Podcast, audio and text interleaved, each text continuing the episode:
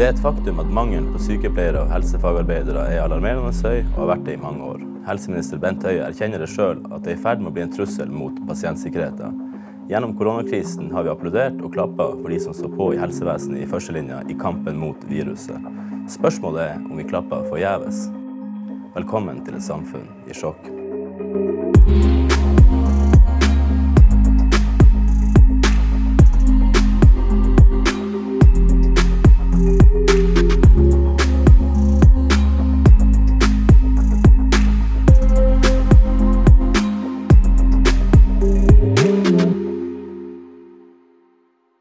Covid-19 har satt mye fokus på det vi betegner som samfunnskritiske funksjoner. Men hva er de egentlig verdt? I dag skal vi prøve å finne litt mer ut om det, og med meg til å snakke om det i denne episoden som har fått navnet 'Klappet vi forgjeves', del 1, hvor vi skal sette særlig fokus på sykepleiere og helsefagarbeidere. Og med meg til å snakke om det, så har jeg fått med meg sykepleierne Lill Sverresdatter Larsen og eh, Arja Banga Bjørn kommunepolitiker Malene Bråten og Skjalg Fjellim fra Nordli. Velkommen til alle sammen. Jeg skal begynne med deg, Arja. Du som har stått på i førstelinja gjennom koronakrisen. og Du jobber som, på legevakta i Tromsø kommune. Hvordan har det egentlig vært å være sykepleier de tre siste månedene? Det har vært eh, Det har vært tøft. Det har det. Det har vært også veldig givende, fordi at det her har jo vært en helt eksepsjonell krise. Og det å kunne bidra på en nyttig måte har jo vært veldig godt. Men det har vært tøft, det er ingen tvil om det.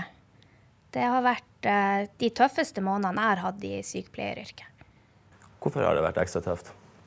Nei, altså det, Til å begynne med sant, så var det jo en veldig usikkerhet. Hva er det her? Hva skal vi gjøre? Og det var jo ingen retningslinje, ingenting som var på plass. Eh, vi merka jo, ikke sant, lenge før Norge stengte, det presset som økte på. Folk ringte mer, kom med mer spørsmål. Det var ingen spesielle retningslinjer for hvordan man skulle gjøre ting, hvem skulle testes, hvem skulle ikke testes, før Folkehelseinstituttet begynte med det her. Men da hadde vi jo allerede stått på noen uker. Eh, og vi visste ingenting. Og det var ikke, ikke det var ikke et testsenter i Fjolveien.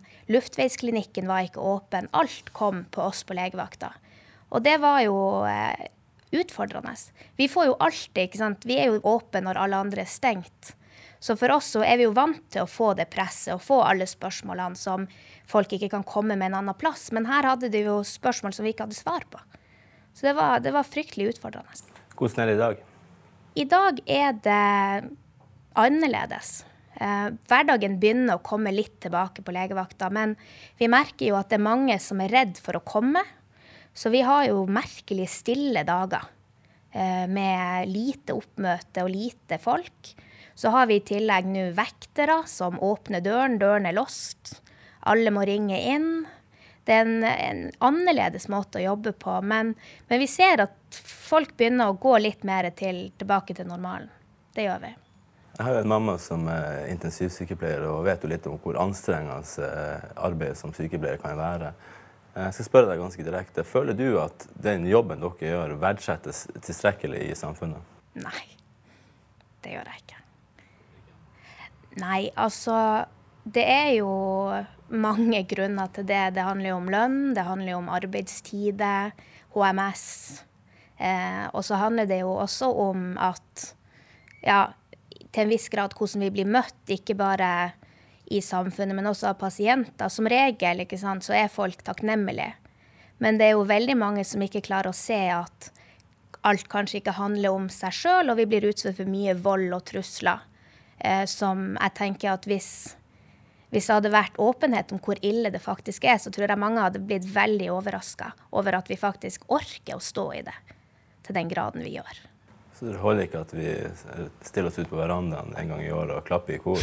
Nei, ikke i det hele tatt. Altså, Deres gjennomsnittslønn, altså sykepleiers gjennomsnittslønn er i snittlønn på 544 000, eh, så vidt jeg forstår. Og det er jo betydelig mindre enn f.eks. snittlønna til de som har samme stilling som meg, eksempelvis en kommunikasjonsrådgiver, toppolitikere, også journalister eh, og politiske redaktører. Er det jeg kunne sikkert nevnt veldig mange andre yrker som uh, også uh, ikke blir savna i like stor grad hvis vi ikke er der som vi savner en sykepleier, men likevel har et helt annet lønnsnivå enn en sykepleier. Er det, er det vi som tjener for godt, eller er det dere som tjener for dårlig?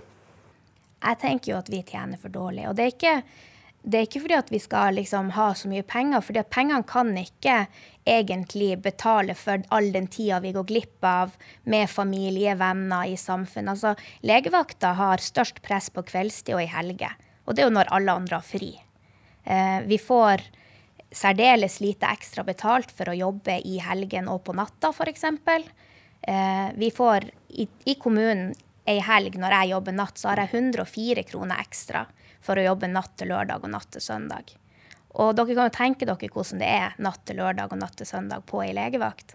Jeg tror det er veldig få yrker hvor folk hadde vært interessert i å holde seg våken midt på natta og må ha hodet klart, for her er det snakk om liv og helse. Å få 104 kroner før skatt ekstra for det. Skjalg Fjellheim, du er kommentator i eh, Nordlys og politisk redaktør, og du kommenterer samfunnet bredt. Eh, og vi hører her et eksempel på noen som er en, et samfunnskritisk eh, yrkesfunksjon som en bør ha bedre lønn. og eh, I dag leser vi også i aviser om renholdere som tjener en tredjedel av jobber i 45 år, som tjener en tredjedel av topplederne i kommunen. Hvorfor tror du det er sånn at disse samfunnskritiske yrkene som ofte har dårligst betalt? Nei, eh, først og fremst det speiler at du har fått et veldig stort lønnskap i offentlig sektor, og at de på toppen tjener veldig godt. Altså De som har lederstilling i kommuner, fylkeskommuner og i staten i dag, har veldig godt betalt. Um, og at de da som, som har disse yrkene som får uh, samfunnet til å gå rundt, har sakka akterut. Så tror jeg for, for, sykepleiere så tror jeg det ligger en veldig sterk dedikasjon i, i bunnen. ikke sant? At det er et oppriktig ønske om, om, om å, å, å, gjøre noe godt for fellesskapet, som ligger til grunn for at mange velger det yrket. Men det er klart at, at lønnsnivået er også helt avgjørende for at vi som samfunn skal kunne rekruttere nye sykepleiere som skal kunne gå inn i disse her viktige funksjonene. Så det er jo, Denne koronakrisa har jo avdekka eh, at eh, det er en veldig gjennomstrømning av, eh, av mennesker i sykepleieryrket. Og jeg tror også at eh, Jeg er litt usikker på om den koronasituasjonen har bidratt til å hva skal vi si, styrke rekrutteringa til yrket. fordi det er klart at Sykepleierne er helter, og de fremstår som helter. Samtidig så tror jeg at det arbeidspresset som, som hun beskriver, og som sykepleiere opplever, eh, altså kan virke på en måte som gjør at folk, unge mennesker blir engstelige for å gå inn i det yrket. For de ser hvordan voldsom belastning det er når en krise treffer samfunnet. Samtidig så har det, altså, de har blitt løfta frem, det har blitt klappa, det har blitt applaudert, det har vært hashtagger og kampanjer osv. Eh, og særlig fokus på sykepleiere, helse, helsefagarbeidere og renholdere, butikkmedarbeidere, farmasøyter osv. Lista er lang, og, de har fått mye skryt med god grunn. Eh, du kjenner jo politikken ganske godt. Tror, tror du at, tror at vi kommer til å få se varige endringer for disse yrkesgruppene, eller eh, blir det med snakk? Altså, du har jo helt rett i at uh, koronakrisen har avdekka at uh, det er ikke aksjemeglere og, og, kommunikasjonsrådgivere i staten som er, har de viktige funksjonene i samfunnet vårt. Uh, det er jo folk som kjører rundt med maten til butikkene, sørger for at infrastrukturen er på stell midt i en stor krise. Sykepleiere er en del av dette bildet. Jeg tror i hvert fall at uh, sykepleierne har fått uh, Du spør om endringer. Jeg tror at sykepleierne har fått veldig gode kort på hånda i årets Kanskje ikke akkurat i årets lønnsoppgjør, for det tror jeg vel uh, blir magert uansett for oss alle. Men de kommende årene så er det klart at, at, at sykepleieryrket fortjener et, et stort lønnsløft. Så handler det jo selvfølgelig også om mer enn lønn. Det må være, det må være rammevilkår rundt et yrke som gjør det attraktivt. Og det handler om mer enn penger. Malene Bråten, du er kommunepolitiker, varaordfører og eh, kommunepolitiker her i Tromsø i Senterpartiet. og eh, Du er et eksempel på noen som tjener betydelig bedre enn liksom, snittlønna til sykepleiere. og i dag var det, de, de, siste dagene har det vært flere oppslag som har gått på lønnsfesten på rådhuset. Kommer du rett fra nachspiel? Nei. det er ikke mye nachspiel, nei. nei. men hvordan er Føler du deg truffet av de oppslagene som kommer i avisa i forhold til når man, når man setter lønningene opp mot hverandre, og da særlig mot de samfunnskritiske funksjonene som har fått så, så mye fokus? Jeg er ikke noe veldig for at man eh, driver og sammenligner yrker hit og dit, fordi at hvert et yrke har en verdifull bakgrunn, tenker jeg. Eh, og det, jeg syns sykepleierne gjør en fantastisk jobb. Og nå når de har vært i den frontlinja de har vært i, så tror jeg at eh, man har en viktig kamp å kjempe fremover. Eh, så jeg, jeg, ønsker helst ikke å sammenligne de yrkene, men jeg heier på at sykepleierne får mer lønn, ja. Ja så du syns, ikke de tjener godt nok? Nei, det syns jeg ikke, og det har ikke jeg syntes på mange år. Jeg vet viktigheten av å ha sykepleiere, av den jobben de gjør. De står i så mange forskjellige situasjoner i løpet av den dagen de er på jobb. Så jeg, jeg forstår veldig godt at de vil ha mer lønn, og jeg håper virkelig at i årene som kommer nå, så vil det være stort fokus. Men ikke bare lønn men også på det her med å ha en trygg arbeidsplass. For det får man jo ofte høre, som du også sier, det her med vold og det. At man har en trygg plass å komme til. For det er så viktig for alle mennesker. Eh, hva, hva, kan og hva skal Tromsø kommune eh, gjøre med denne problematikken? Ja, Vi jobber jo eh, hver eneste dag med helse og omsorg og jobber med rekrutteringa. Vi ser jo at vi sliter veldig i kommunen med å rekruttere sykepleiere. Og Der har vi absolutt en jobb å gjøre. Og Vi må gå heftigere i dialog med sykepleierne, både på legevakta, i andre instanser, for å finne de gode løsningene sammen. Lill Sverresdatter Larsen, du er leder i Norsk Sykepleierforbund og har tatt aktivt til orde for at lønna til sykepleiere må opp både før, under og ja, jeg skal ikke si etter, for den pågår vel ennå koronakrisen. Hvorfor er du så bekymra for lønnsnivået til sykepleierne? Vet du, Jeg er sjelden bekymra. Bekymra er et ord som jeg sjelden og aldri eh, bruker. Eh, derimot så tenker jeg at befolkninga som sådan bør være bekymra. For grunnen til at eh, sykepleiere trenger en eh, lønnsøkning, er jo fordi at vi vet at lønnen selvfølgelig eh, rekrutterer. Det gjør det jo. Det motiverer til å både rekruttere til yrket og det til å bli værende i yrket. Og vi mangler 6000 sykepleiere. altså 6 1000 sykepleiere i dag, bare i Norge. Det er altså den nasjonal sykepleiermangel og den internasjonal sykepleiermangel. Det betyr at i løpet av veldig få år så har vi en eh, Da er det virkelig en krise. Her har vi snakket om en pandemi som en krise, men da har du virkelig en krise. Og i en normalsituasjon, for enhver normaldrift som gjør det problematisk å um, sørge for uh, personer på sykehjem, hjemmetjeneste med kols, diabetes, med hjerneslag, med demens og ikke minst også på sykehuset. Hva er det man skal Altså, du har ingen helsetjeneste uten sykepleiere. Og hvis du ikke får Hvis ikke samfunnet klarer, og altså samfunnet som sådan, men med myndigheter og med arbeidsgivere klarer å sørge for at man rekrutterer og beholder sykepleiere, så har vi en alvorlig krise i løpet av veldig, veldig få år. Og det bør bekymre ikke bare ledere av Sykepleierforbundet som sådan, men det bør bekymre alle. Istedenfor da, å være bekymra, så tenker jeg at da må vi komme videre fra det til og videre også fra applaus. Applaus er en fin ting. Vi er glad for applaus fra folk flest, og den anerkjennelse for den jobben som både er gjort nå, og det ansvaret og arbeidsoppgaver som sykepleiere eh, generelt har. Men vi må komme videre derfra til at det faktisk er handling. Og da er det politikere, da er det myndigheter og arbeidsgivere som er nødt til å gjøre noe. Og det er helt klart, sånn som Skjalg er inne på, lønn er en del ut av det, og det er en viktig del ut av det. Vi kommer ikke fra det. Det rekrutterer. Det har betydning for hvem som blir værende i yrket. Og så må vi se på andre ting som eh, heltid, som arbeidsmiljø, og ikke minst det å få muligheten til å faktisk utøve sykepleie. Gjøre jobben din, og ikke gjøre jobben til eh, ti andre ulike profesjoner eller yrkesgrupper samtidig. Kan jeg bare få si at jeg tror at det er, det er jo et tvega sverd, det med lønn, i en krisetid for nasjonen. Og der vi i en by som Tromsø har flere tusen arbeidsledige eh, og permitterte. Og da er det krevende å, uh, i sånn tid å argumentere for store lønnspåslag, selv om man har gjort en ekstraordinær innsats. For vi skal huske på at denne krisa faktisk har ført til at veldig mange i privat sektor har falt, falt utafor arbeidslivet. Ikke bare midlertidig, men varig.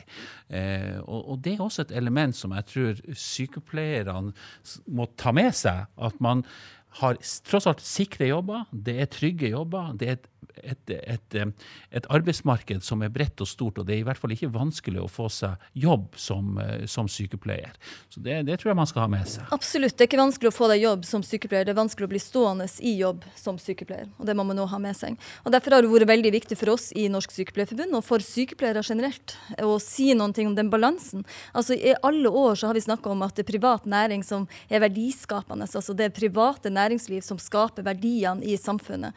Og det er jo helt riktig. Skal vi ha en sterk offentlig helsetjeneste som sykepleier er en stor del av, som er nøkkelpersonell i, så er det selvfølgelig avhengig av at, uh, at man har privat næring, og at det betales skatt inn både til kommunene og til stat. Men det er denne krisa, den covid-19, altså koronaviruskrisen, virkelig har vist, er behovet for å ha et sterkt offentlig helsetjeneste. At du har sykepleiere nok, som gjør at man ikke trenger å stenge ned samfunnet ved kriser sånn som det her. Hadde vi investert i flere sykepleiere både på intensivavdelinger, på akuttavdelinger, og ikke minst i kommunen og legevakt, sånn som der Arja jobber, så hadde vi ikke trengt å stenge ned samfunnet med de enorme samfunnsøkonomiske konsekvensene for samfunn, og ikke minst for de privatpersonene som er blitt permittert, og for de næringene som, har, som er konkursrammet. Men vi har jo stengt ned samfunnet fordi at man ikke ønsker flere smitta. Man stenger jo ned samfunnet ikke bare for at ikke, også en grunn for at helsevesenet ikke kan ta imot alle, men fordi at vi ønsker å bevare mest mulig av befolkninga vår.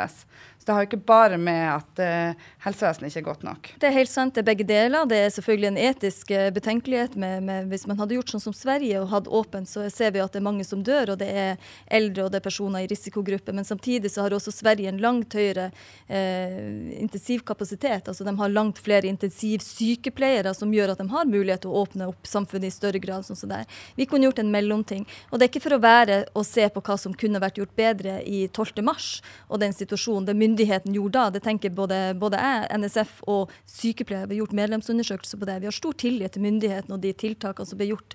Men skal vi lære noen ting ut av det her, så må vi også se på, um, se på investering i helsetjenestene som sådan, investeringer i, i digitale løsninger i helsetjenestene og investering i sykepleiere som nøkkelpersonell i både kommune, kommunale helsetjenester som sykehjem og hjemmetjenester, men også på sykehus, er særlig viktig for å unngå en sånn her type krise igjen. Jeg, tror det her er helt uh, sentralt. fordi at, altså, Det er jo Lill snakker om at krisa viser verdien av et sterkt offentlig helsevesen. Det er jo, altså Når dette skal evalueres eh, om noen måneder, eh, denne krisa vi har stått i, eh, så, så, kommer det sikkert til å bli satt ned en brei nasjonal kommisjon som skal undersøke dette. Ikke så veldig brei, det var ingen sykepleiere, mener Nei, men eh, det, dere kommer kanskje inn etter hvert. Eh, men, men den, jeg tror at en av konklusjonene kommer til å bli at Norge lyktes fordi vi har et sterkt offentlig helsevesen. Eh, og at andre land i Sør-Europa, og USA, ikke minst USA, mislyktes fordi de har et dysfunksjonelt eh, helsevesen. Så det her viser jo kvaliteten med det, det, norske velferdssamfunnet. Og det viser også at Norge er et tillitssamfunn. Vi er et veldig sterkt tillitssamfunn, og vi har klart å finne den rette balansen mellom ekspert, ekspertisen og politikken. ikke sant? Det vi ser i Norge, er at politikken har gått inn og justert eh, ekspertene i Folkehelseinstituttet. I Sverige har vi sett en helt motsatt eh, eh, altså De har hatt et helt motsatt fokus, og de har også hatt et annet resultat eh, når det gjelder smittetall og antall døde.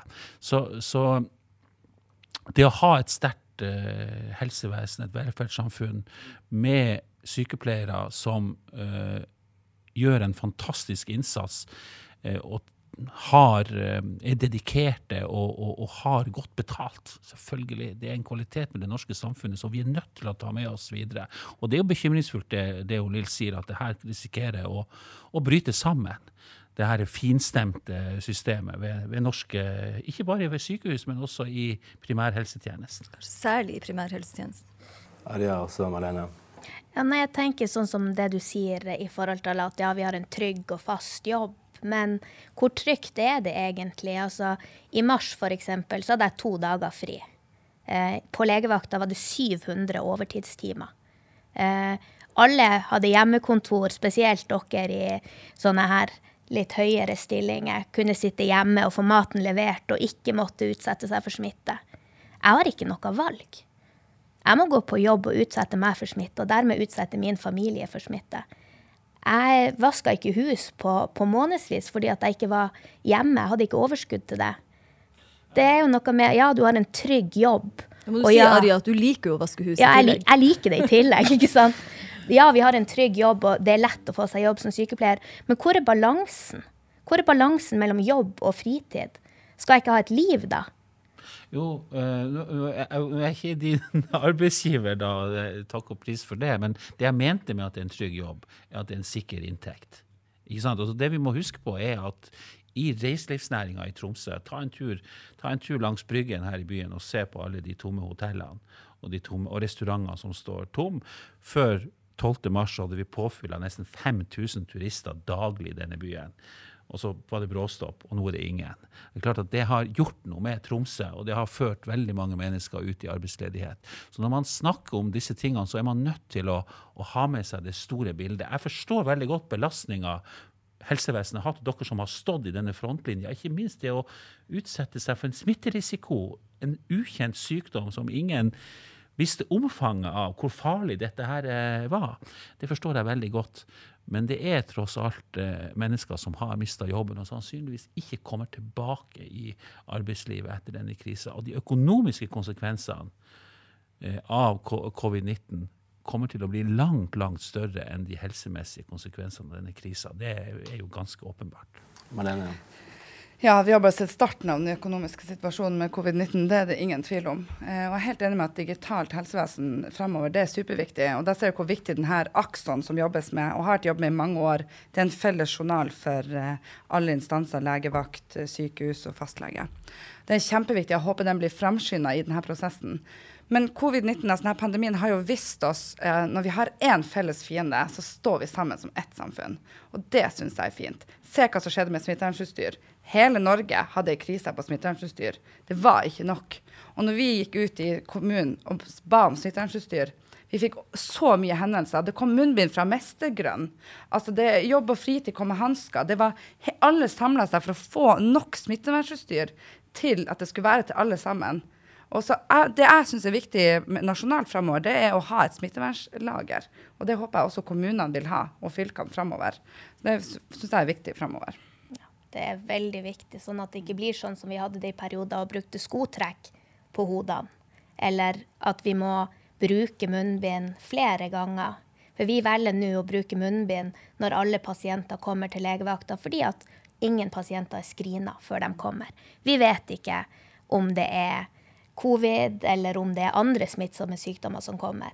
Og nå må vi bruke munnbindene flere ganger, eller ja, skotrekk, eller alt annet mulig som vi, vi improviserer. Hva du tenker når du hører at de må bruke skotrekk som munnbind? Du, jeg så du var på Tromsø lufthavn og Jeg håper de ikke bruker skotrekk som munnbind, men, som hette. ja, som hette. Tydelig. Mm. Nei, eh, jeg vet jo. Jeg er blitt kontakta av store leverandører som eh, har eh, solgt munnbind og annet smittevernutstyr til, til sykehus og kommunene i årevis før det her. Som også beskriver og viser dokumentasjon på at de selger fortsatt samme utstyret til samme pris, til tross for at de taper på det egentlig opp mot For det har vært en enorm prisstigning, altså inflasjon, i, fra smittevernfrakker som kosta jeg tror det var 80 øre eller noe sånt tidligere, nå koster de 80 kroner sant, for én smittevernfrakk. Så poenget er at eh, vi vet jo at i dag er det fullt mulig å få tak i alt av smittevernutstyr i Norge, unntatt åndedrettsvern, altså de maskene som brukes på eh, intensiv med luft, altså aerosolproduserende altså, eh, prosedyrer, spesielle prosedyrer med, med, med dråpesmitte. Eh, du har altså full mulighet, alle kommunene, alle sykehus har full mulighet til å skaffe munnbind hvis man vil for sykepleierne og annet helsepersonell som står i de her eh, situasjonene. Men likevel er det mangel. Likevel får jeg daglige meldinger fra sykepleiere og andre som står i eh, De er nødt til å rasjonere, de er nødt til å gjenbruke, de får beskjed om at de får ikke bruke det til f.eks. MRSA, altså multiresistente bakterier og sårstell, når de utsetter seg for en særlig smitterisiko. Likevel får de ikke lov til å bruke, for de må rasjonere på munnbind. Og da vet vi jo at det er ikke mangel på utstyret. Det er mangel på penger for at kommunen, eller også sykehusavdelinger, altså sykehus, kjøper det inn. Da er det jo økonomien. Og det der altså, det er en sånn skikkelig frustrerende ting at når du snakker om helsetjeneste og økonomi, så det, må du holde deg innenfor ei ramme. Det er alltid ei ramme. Mens innenfor næringsliv så er det, da er det en krisepakke 1, 2, 3. Men når kommer krisepakka til, særlig til kommunene? Jeg kan bare si jeg er helt enig med deg. Eh, og det er jo faktisk sånn fordeling i dag at 70% av utstyret som kommer, går til sykehusene. 20% går til kommunene. eh, og 10% går til smittevernlager. Og når vi f.eks. i Tromsø har mest smitte, eh, så har vi ganske lite, 20% fordelt på alle kommunene. Det er ganske lite smittevernutstyr. Så der er en ordning man må se på hvor, hvordan det skal fordeles. Jeg mener at det skal fordeles etter hvor er smitten. Man kan ikke sitte og ha masse på lager heller, tenker jeg iallfall. Eh, altså, Ifølge eh, de rapportene som er bestilt fra Helse- og omsorgsdepartementet, så i 2030 så kommer vi til å mangle 28 000 sykepleiere og 18 000 helsefagarbeidere. Og bemanningsbehovet i helse- og omsorgssektoren kommer til å være dobla fra i overkant av 300 000 til 600 000 i 2060. Jeg spør åpent liksom, hva er følgene hvis de prognosene slår til? Hva kommer til å skje, eh, hva som kommer til å skje med samfunnet da, i lys av den rekrutteringa som skjer i øyeblikket?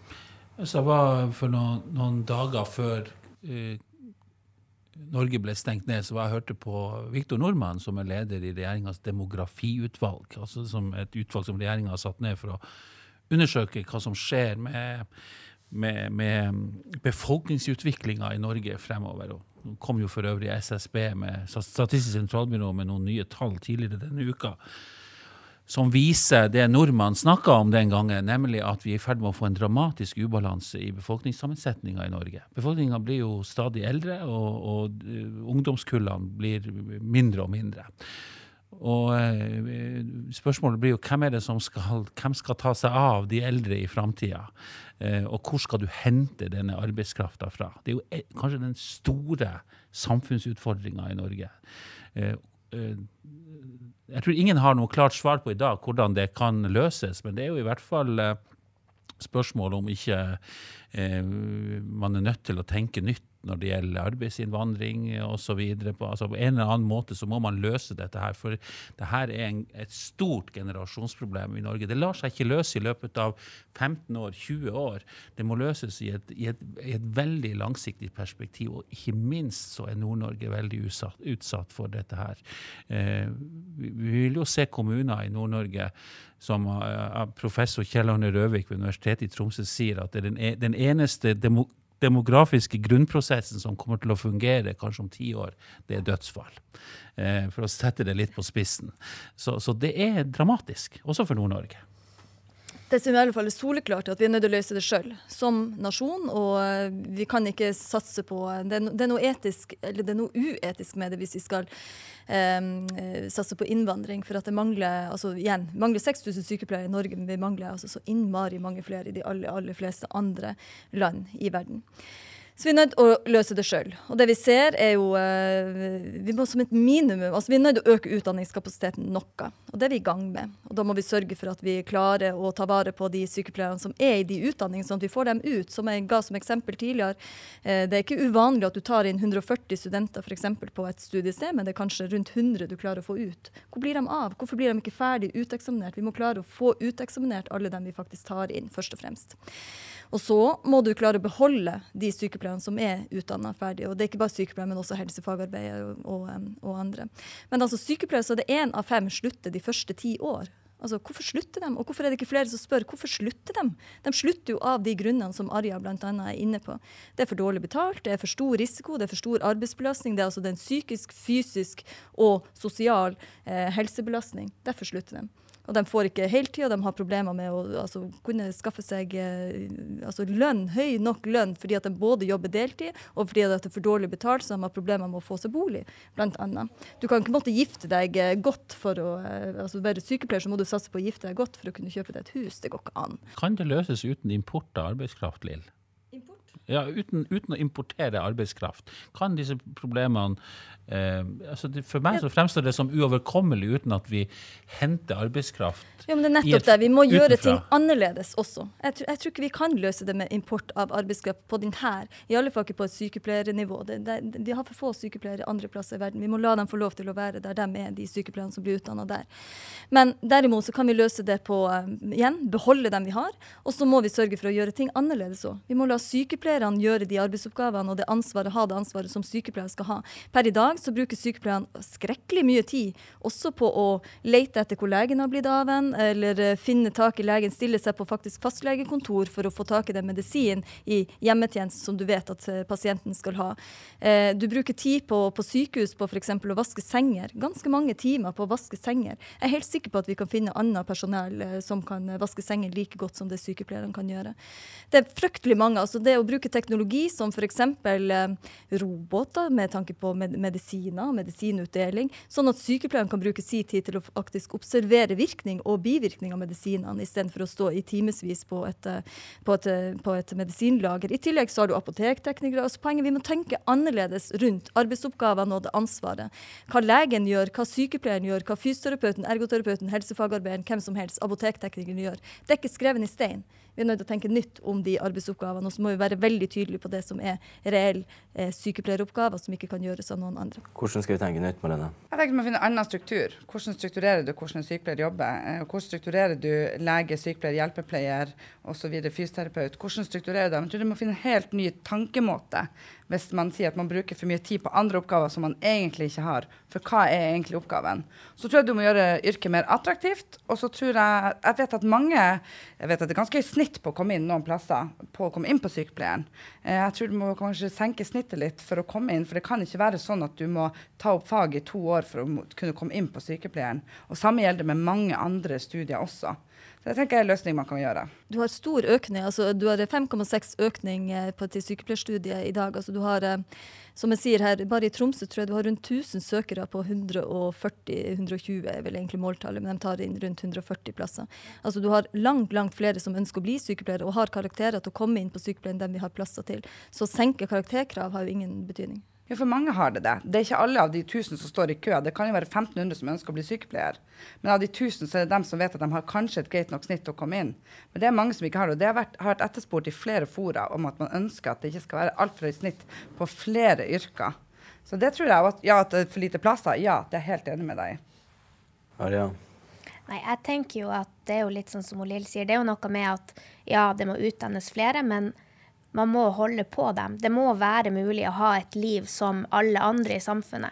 Det må være en balanse mellom arbeidsliv og fritid. Hvordan skal man gjøre det i arbeidsplasser sånn som på legevakta, hvor hovedarbeidet vårt er på kveldstid og i helger når alle andre har fri? Hvordan kan man gjøre det? Kan man balansere det med mer fridager, kortere arbeidsuke? Altså, fordi det er en ting at vi mangler sykepleiere. Men det er jo ingen tvil om at det er høy gjennomstrømning på arbeidsplasser, spesielt som på legevakta. Vi kommer nå til å miste seks-syv hvert fall sykepleiere på legevakta i Tromsø som må rekrutteres inn fra andre plasser. Og hvem er det egentlig som er interessert i det? Hva er grunnen til det?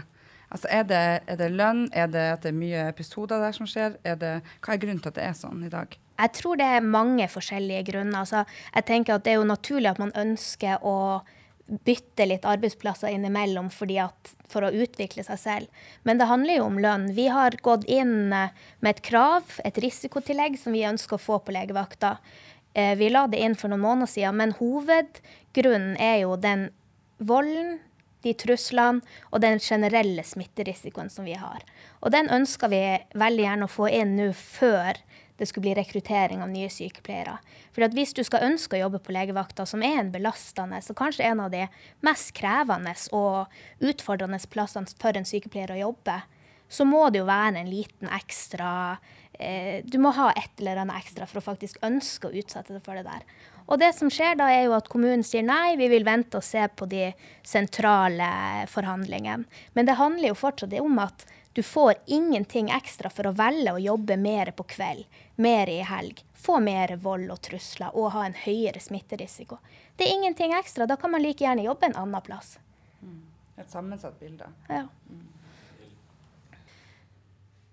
Jeg tenker at jeg vil litt tilbake til det du egentlig spurte om. Du spurte om konsekvensene. For det vi beskriver her nå, er problemområdene. Det er kjent. Vi har, det, vi har beskrevet de problemområdene i årevis konsekvensene hvis ikke skjer noe, hvis vi ikke gjør noe, hvis vi fortsetter på akkurat samme vis som vi har gjort, så er det et todelt eh, helsevesen. Det vil alltid være noen som eh, vil kunne betale seg ut av eh, kø, som vil kunne betale seg til andre typer tjenester, til, til den ressursene og den kompetansen som er nødvendig. Og det vil svekke det som Skjalg egentlig innleda noen ting med å si. Grunnen til at vi har håndtert den krisa som folk, det er ikke bare myndigheten som har håndtert den krisa vi har stått i, det er faktisk vi som folk som har håndtert den godt. Og med de lave mortalitets- og dødelighetstallene som vi, dødstallene som vi har.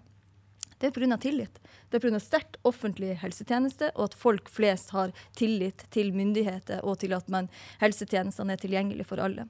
Så konsekvensene av å ingenting gjøre, det vil være et todelt helsevesen og en mistillit eller en eh, manglende tillit i befolkninga. Og det vil svekke oss, ikke bare med tanke på helsetjenesten, det vil svekke oss som samfunn på all mulig vis med, med tanke på beredskap. Vi skal bevege oss over til høstens eh, tarifforhandling og oppgjør som, som, venter. Og I det reviderte nasjonalbudsjettet så er det forventa lønnsvekst fra 3,6 og ned til 1,5 eh, og Det mener du Lille, er tilnærma nullvekst. Hvorfor det? Fordi eh, altså Økning av prisene er jo tilsvarende. Så det vil være nullvekst, eller faktisk til og med en, eh, en minstelønn. Altså at du, ikke, ikke minstelønn, men en, at du går ned i lønn, egentlig. Ut ifra reallønnsvekst ellers i samfunnet. Jeg leste et intervju med deg på sykepleien.no hvor du ikke utelukker streik. Tror du, eller Frykter du, tror du det kan bli streik i høst? Og hvordan tror du det kommer til å være nå midt under koronakrisen? Det ville vært mer overraskende om en forbundsleder av uansett organisasjon gikk ut i, i mai-juni og sa at nei, vet du hva, vi utelukker streik ved et tariffoppgjør. Så akkurat, akkurat, den tenker jeg det er det vi streik er det virkemidlet enhver eh, arbeidstakerorganisasjon har. Det, det, gjelder selvfølgelig også i år. Det. Vi avlyser jo ikke et tariffoppgjør. Er du klar for å gå i streik, Arja? Ja. Hvis det er det som må til. Jeg håper jo at det ikke er nødvendig. Jeg håper jo at det her har fått øynene opp til at vi er nødvendige og vi må bli verdsatt. Et klapp er ikke nok. Kan du betale husleia med å applaudere litt? Det går ikke. Så jeg håper jo at, håper jo at denne krisen faktisk har fått de som bestemmer til å se at uten sykepleierne så, så går vi under. Og det må mer til enn en liten applaus her og nå. Malene og Skjalge, er dere, er dere bekymra for streik, og hvordan tror dere streik kommer til å slå ut på samfunnet? Jeg mener jo at eh, jeg tenker jo at akkurat nå, midt i en krise vi står i, og er, altså, de konsekvensene som kommer fremover, vil være enorm for hele samfunnet vårt. Som tida er inne for å streike i år, eh, vet jeg faktisk ikke. Og jeg vil kanskje heller eh, vente med det, fordi at eh, nå er det så, altså, hele samfunnet er ramma, og det er permitteringer. Vi har så mye arbeidsledighet ute i samfunnet. Så akkurat nå så vil jeg kanskje ha venta med den streiken, men jeg er helt for at sykepleiere skal ha høyere lønn og en, kanskje en omstrukturering av hvordan man jobber. Men akkurat nå så vil jeg kanskje ikke anbefalt det. Ja, jeg er i hvert fall ganske sikker på, på en ting. Nå er jo ikke jeg organisert i Norsk Journalistlag, men i Norsk Redaktørforening på arbeidsgiversida. Men jeg tviler på at det blir streik i norsk mediebransje i år. Vi har mista mellom 50 og 70% av annonseinntektene våre i løpet av noen få uker. Eh, og jeg tror I en sånn situasjon så tror jeg at streikevåpenet Man vil i hvert fall være varsom med å ta det i bruk. Og jeg tror også dette handler om man skal tenke på det i offentlig sektor. Bruken av streikevåpenet i en situasjon der vi vet at bruttonasjonalprodukt kommer til å falle i Norge i år. Eh, og som Malene er inne på, vi har knapt sett starten. Altså Kjøpekraften kommer til å gå ned, og det kommer til å bli magert for mange mennesker i Norge utover sommeren og høsten. Så det er jo et spørsmål om å finne den riktige balansen. Jeg tror ikke jeg skal gi Sykepleierforbundet noe råd, men nå har man jo opparbeida en veldig sterk tillit i, i, det norske samfunnet.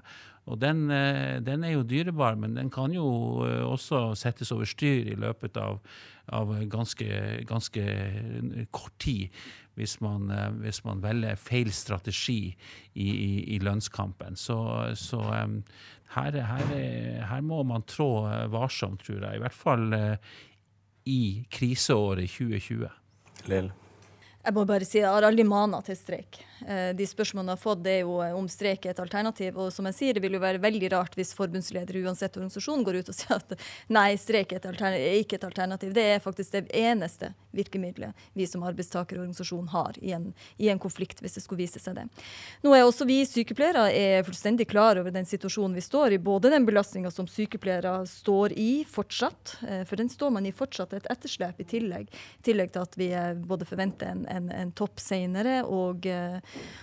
og, ikke ferdig med det alle plasser, særlig i, i kommunene. Så vi er klar over den situasjonen. Vi, vi er også det 120 000 sykepleiere på landsbasis. Klart, Mange av de sykepleierne er gift, samboer, kjenner noen, har noen som er permittert, eller som er, har en næring som ikke lenger eksisterer. Eh, det, det, er klart de kjenner til det. Så den balansen er viktig. Det jeg ønsker meg, er at også privat næringsliv eh, anerkjenner med mer enn applaus behovet for offentlige helsetjenester som er styrka. Både med digitale løsninger og med en investering i helsepersonell som sykepleiere og helsefagarbeidere, som er nøkkelpersonell. Uten dem så har du ingen helsetjeneste. Da har du ikke noe du kan eh, Da har du ingen beredskap ved enhver krise som vil, vil ramme Norge.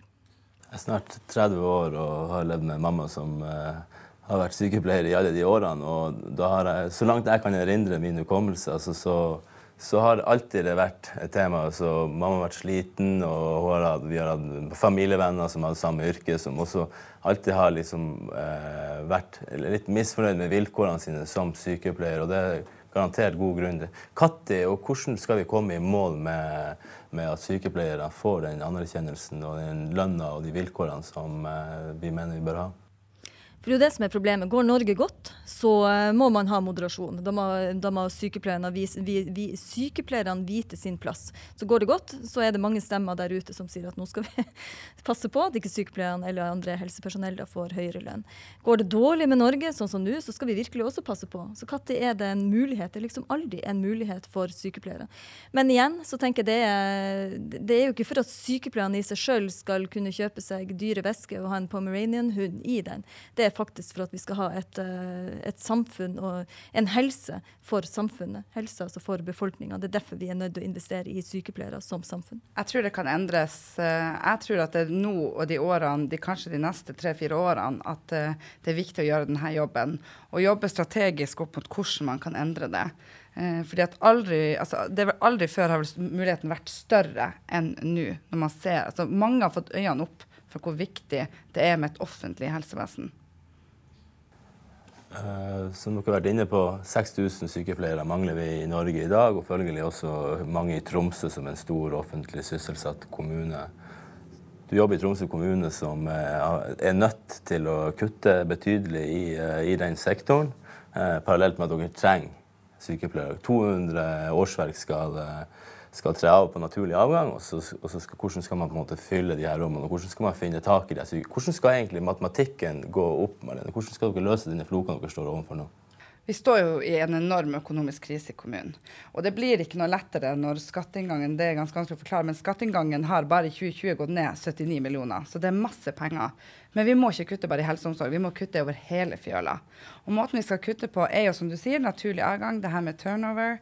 Og vi gjør jo vårt beste. Vi vil jo ikke bare kutte i visse stillinger, vi vil jo kutte i hele kommunen for at vi skal komme i mål. For hvis vi ikke kommer i mål, så havner vi på Robek, og vi blir lagt under Fylkesmannens administrasjon. Det vil være en mye verre alternativ enn at vi klarer å komme i mål.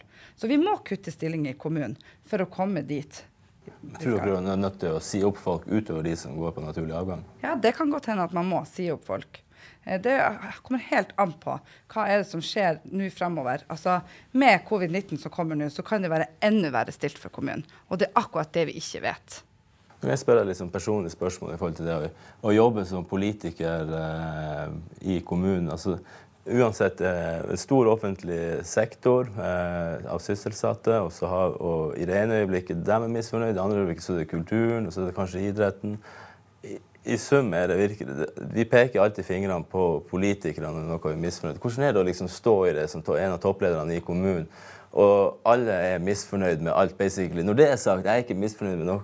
Jeg, jeg har det bra. Men, men derfor, hvordan, hvordan, er det egentlig å gå på jobb eh, når du står opp på mandagsmorgen og kanskje har vært tatt deg en ekstra øl i helger og sånt, du skal gå på jobb mandagsmorgen og på en måte forvente eldorado i media og fra sånne folk som har salg, eksempelvis? Jeg forstår at folk kommer til politikerne, for det er, jo, det er, jo, vi som jobber med mange saker. Og jeg har full forståelse for at uh, det som er når folk kommer til oss, så er deres sak den viktigste og sterkeste. Det er deres sak. Og det er mange som kommer med det. Eh, og når man velger å stikke nesen fram, så må man også ta det ansvaret. Og når du velger å gå på en sånn stilling som en politiker, så må du stå for det ansvaret. Selvsagt, det går jo i berg-og-dal-baner. Man kjenner jo på at uh, yes, det her går bra, og så føler man nei, nå var det mye negativt. Men jeg tenker at eh, jeg syns det er et givende yrke, og jeg syns lærekurven er enormt bratt. Og alt du får oppleve og lære. Altså sånn som nå, Kan vi ikke lære om hverandre her med å snakke om samfunnet sånn som det har vært i det siste? Sykepleierne, forskjellige synspunkter. Jeg syns det er kjempespennende. Skjalg, du har jo mye mening eh, om, om, det meste. Hva ville du gjort hvis du hadde vært i Malene sine sko og skulle liksom eh, redda det Robek-skipet, som vi kan kalle det? Ja, ja, så det er jo Jeg vet ikke om vi har tid nok til å, til å gå, gå, gjennom hele den lista. Men det, det, som jo har vært eh, et kjennetegn med Tromsø-politikken så lenge jeg har jobba som journalist og redaktør her i byen, og det begynner å bli ei stund, så er det det at man har på en måte levd på en rosa sky. Det har vært påfyll av 1000 mennesker hvert år i Tromsø. Skatteinntektene har gått opp. Man har, eh, man har vært en by i vekst. Og man har til og med hatt en situasjon i Tromsø der hvis man skulle legge ned en bibliotekfilial, eh, så har politikerne gått i fakkeltog sammen med demonstrantene. Eh, men det som skjer nå i Tromsø-politikken, er jo at du har en helt annen realitetsorientering enn en før. Det har gått opp for Malene og alle andre at det er, det er et skakkjørt uh, skip. Hvordan syns du de har klart seg, den nye sammensetninga? Jeg syns det er litt tidlig å, å, å felle en, en, en si, endelig dom. De har jo holdt på nå siden i, i, fjor høst og har fått en koronakrise midt i fanget. Jeg syns jo at det er, ser ut til å være politisk enighet om at man er nødt til å kutte kostnader, som er helt nødvendig. Man kan ikke bruke penger man ikke har. Og så er det da å imøtekomme alle de forventningene i byen, som du er inne på. Idrett, kultur, eh, helse, skole, alle de sektorene. Ingen har lyst til å kutte, alle protesterer. Men et eller annet sted så må så er man altså nødt til å ta ned kostnadene. Økse. Eh, så blir jo spørsmålet hvordan kan man gjøre det med klokskap? Gjøre det på en måte der man bevarer de sentrale velferdsfunksjonene i et bysamfunn som Tromsø. Og jeg har jo skrevet i avisa at det man i hvert fall må sørge for, det er å ta vare på de aller mest sårbare i samfunnet vårt. De som ikke har noen som uh, går i demonstrasjonstog i gaten. Rusavhengige, rusmisbrukerne, barnevernsbarna. Det er noe som virkelig jeg syns er ille, at man legger opp til kutt i barnevern i Tromsø. Den type kutt, det må man, det må man, det må man ikke gjøre, det må man unngå. Uh, så ta vare på de svakeste i samfunnet. Uh, det, det, det må være en god uh, rettesnor å operere etter, tenker jeg. Lill, du uh, virker ganske kjefsterk. Du har ikke vurdert å engasjere deg i politikken? Jeg engasjerer meg jo politisk. Bare ikke med på altså NSF, Norsk Sykepleierforbund, er jo partiuavhengig. uavhengig. Men det betyr ikke at vi ikke engasjerer oss politisk. Vi, som kommunepolitiker eller stortingspolitiker? ja, nå er jeg her i den posisjonen jeg er per nå. Av og til så tenker jeg at det kan være nødvendig med en øks, eh, og ikke bare ostehøvelkutt. Jeg tenker at eh, Av og til må man gjøre de tøffe prioriteringene også, og hogge ned den, den sjuke bjørka istedenfor å drive på med ostehøvelkutt hele veien. Og det å kunne stå for de prioriteringene eh, også det vi ser for helse- og omsorgstjenesten i kommunene, er jo Jeg har jo da skrevet også kronikker på, på det med at kanskje trenger vi et koronaløft til kommunene. Sant? For det er jo ikke bare Tromsø kommune som sliter med det her. Det gjelder jo alle kommuner. Det gjelder overalt.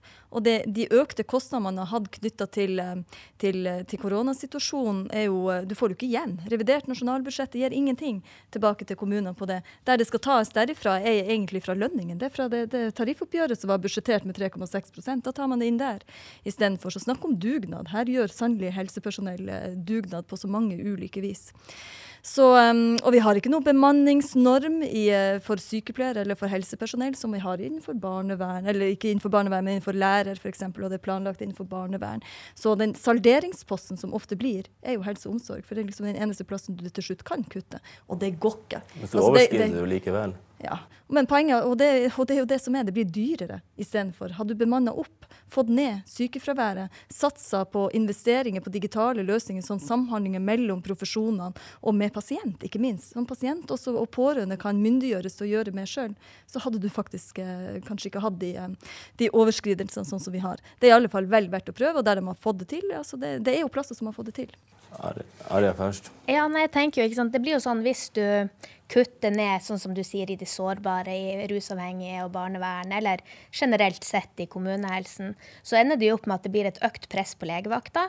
Og her mangler vi personale, så da blir det mer overtid, både på leger og sykepleiere. Så blir den posten egentlig større enn den nedkuttinga man gjorde ellers i helse og barnevern. Sånn det ender jo opp, altså det blir jo en kjempeond sirkel. Pasientene blir sykere, de trenger flere ressurser. Det koster mye mer. Og alle blir jo syke til slutt. Og da er det sånn, OK, skal vi stoppe det før det blir skikkelig ille? Med å ha eh, riktige tiltak inne? Eller skal vi vente til at alle havner på legevakta? Og legevakta den er så liten, og det er så mange folk, og det blir enda mer ventetid. Og enda mer sure mennesker og redde mennesker og mer vold og trusler. Fordi at de kuttene har ført til at de ikke har fått hjelp der de fikk hjelp før. Så det blir jo en kjempeond sirkel. Og det, regnskapet til slutt kommer jo bare til å ende opp med at det er dyrere. Fordi at man har kutta så mye for de svakere at de ender opp med å bruke andre tjenester som faktisk koster mye, mye mer. Vi kutter jo ikke bare i helse og omsorg, vi kutter jo over hele fjøla. Eh, og vi står inne for de kuttene vi gjør. Vi har jo stått, Det er jo som vi har snakka om mange ganger før, at vi står i stormen gjerne fordi at Og grunnen til det er for at vi ønsker å komme ut med en bedre kommuneøkonomi. Og da gjør det ingenting å få den kjeften. Og så tenker jeg også at vi, det som kanskje er mest frustrerende, det syns jeg er alle oppgavene vi får pålagt hele tida uh, uten at det følger penger med. Se rusreformen. Det kommer ikke penger med, men det kommer flere oppgaver. Se på fastlegene. En, en fastlege som jobber, har 1100 pasienter før. og har nei, hadde 1800 pasienter først, og nå har 1100, men har mye mer jobb. For at man er pålagt flere oppgaver. Sammen med sykepleiere, man er pålagt flere oppgaver, men det følger ingenting med. Og det kan ikke være sånn. Det, altså skal det komme flere oppgaver, så må det også komme penger med til det. Ok, Helt avslutningsvis så vil jeg spørre dere et eh, spørsmål. Jeg gir dere 30 sekunder hver å svare på det. Hva er det viktigste dere har lært av covid-19? Vi begynner på venstre. At det er nødvendig å investere i helsetjenestene for å få på, uh, få på plass en beredskap både for normaldrift i, i nasjonen Norge, men også for kriser. Den viktigste lærdommen av covid-19-krisa er for et fantastisk tillitssamfunn Norge er. At man har fått den norske befolkninga til å gjennomføre denne, eh, det som jo litt sånn pompøst kalles for en dugnad. Det, det er jo en bragd, ikke sant, det vi har fått til i fellesskap, og at vi har hatt tillit til de som styrer dette landet. Og Det er jo det som skiller Norge fra andre nasjoner, og som virkelig gjør at vi har kommet eh, relativt godt ut av dette her helsemessig, så er jo de økonomiske konsekvensene vil jo bli tydeligere etter hvert. Men den, der, eh, den, til, den tillitsdimensjonen tror jeg vi kan ta med oss fra covid-19 og over i andre store saker i norsk politikk som kommer fremover. Klimasaken, f.eks. Eh, hvordan man kan bygge tillit mellom politikk, ekspertise og en befolkning. Så det, Der har Norge gjort uh, veldig mye riktig og veldig mye bra. Så Norge er et fantastisk samfunn å bo og leve i, og vi skal alle prise oss lykkelige over at vi får lov til å, å være en del av uh, dette samfunnet i dag, og ikke det amerikanske, f.eks. Kanskje det svenske. Også, uh, svenske samfunnet vel også har, har, har løst dette på en måte som jo mange nå ser det annerledes enn Norge. ikke sant? Og, og ja. Nei, vi skal være stolt, stolt over Norge. Jeg også. Det var lange 30 sekunder, men takk skal du ha, Sjag Malene. Jeg tenkte jeg skulle starte med å si akkurat det. At jeg er stolt av landet vårt. Eh, jeg er stolt av det velferdssamfunnet som er bygd opp år etter år, som har vist seg hvor viktig det sikkerhetsnettet er for hver og en av oss. Og så tror jeg også at det her med digitale løsninger vil komme inn i alle sektorene i Norge fremover. Det tror jeg har virkelig gitt landet vårt noe. Jeg tenker at det som kanskje har blitt mest tydelig, er hvor mye bra vi får til når vi jobber sammen, og hvor innovativ og løsningsorientert man blir når det er en sånn her krise. Eh, og den her den, Altså den her eh, stå-på-ånden som har vært. og jeg er ikke den eneste som har hatt så lite fri. Altså, det er mange andre. Og de som har vært hjemme og er permittert, jeg syns de også har stått fantastisk bra på med å bare holde motet oppe. Så jeg tenker at det er litt den her Ja, det her med at det går bra til slutt. Det er kanskje det som har kommet mest tydelig frem. Alt blir bra. Alt blir bra. Det er stor framtidstro. Tusen hjertelig takk for at dere eh, var med oss, Lill, Skjalg, Malene og Arja, for å gi oss et eh, unikt innblikk og perspektiv i, i denne samtalen. Neste gang skal vi snakke med mennesker som representerer andre yrkesgrupper som også er innenfor kategorien samfunnskritiske funksjoner. Det blir spennende. Del én av Klappetid forgjeves er veis ende. Del to eh, hører du neste gang. Tusen takk for at du var med oss. På gjensyn.